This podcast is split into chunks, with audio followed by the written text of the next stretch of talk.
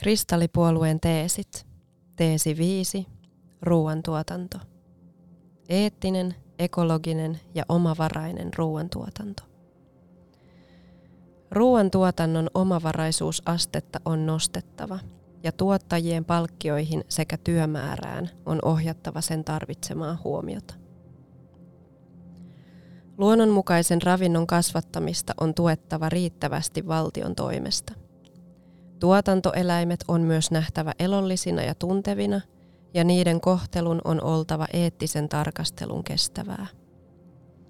Se, että tuomme vain rahan takia ulkomailta Suomeen valtavia määriä ruokaa, jota itsekin voisimme tuottaa, on sydäntietoisuuden tasolta tarkasteltuna hölmöä hommaa, joka aivan turhaan kuluttaa maapallon resursseja. Kun muistamme, että me ihmiset luomme ne lait, jonka mukaan elämme, niin ymmärrämme, että kaiken voi tehdä myös paljon järkevämmin. Meillä oli vielä 50 vuotta sitten omavarainen Suomi ruoantuotannon suhteen, ja tuo tietotaito on vielä jäljellä, jopa paljon kehittyneempänä, odottamassa käyttöönottoa.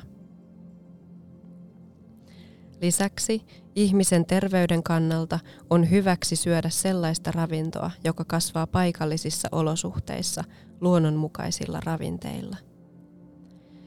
Äärimmilleen viety taloudellinen kilpailu ruoantuotannossa on myös asia, jonka voimme lopettaa.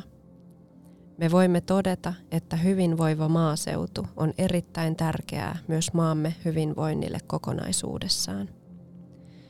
Puhdas ja terveellinen ruoka ovat asioita, joihin pitää ohjata paljon resursseja, sillä ne kyllä palaavat takaisin kansan hyvinvointina ja terveydenhoidon kustannuksien vähenemisenä. Eläimien käyttö ravintona on ihmisen vapaa valinta ja sitä tapahtuu muutoinkin eläinkunnassa. On kuitenkin totta, että syömme maailmassamme aivan liian paljon lihaa todellisiin tarpeisiimme nähden – se, että eläimiä kohdellaan vain numeroina ja tuotteina, on myös jotain, mikä ei kuulu sivistysvaltion toimintatapoihin. Myös eläimille pitää antaa elämänarvoinen elämä. Nekin ovat tuntevia ja ajattelevia olentoja. Byrokraattisten säädösten ja lakien myötä pientilalliset on ajettu todella hankalaan asemaan niin, että tuotantoeläimet kasvatetaan suurissa yksiköissä joiden toiminta on tarkkaan salattua, koska se ei kestä eettistä tarkastelua. Suurien eläinmäärien ahtaminen pieniin tiloihin tuottaa eläimille valtavat määrät stressiä sekä sairauksia, joita lääkitään muun muassa antibiootein. Näiden lääkkeiden jäämät päätyvät lopulta ihmisiin ja aiheuttavat heidän kehojensa toimintaan häiriöitä. Meidän tulee palauttaa ja luoda uudelleen hyvinvoiva maaseutu, jossa tuottajat, työntekijät ja ihmiset huomioidaan niiden ansaitsemalla tavalla.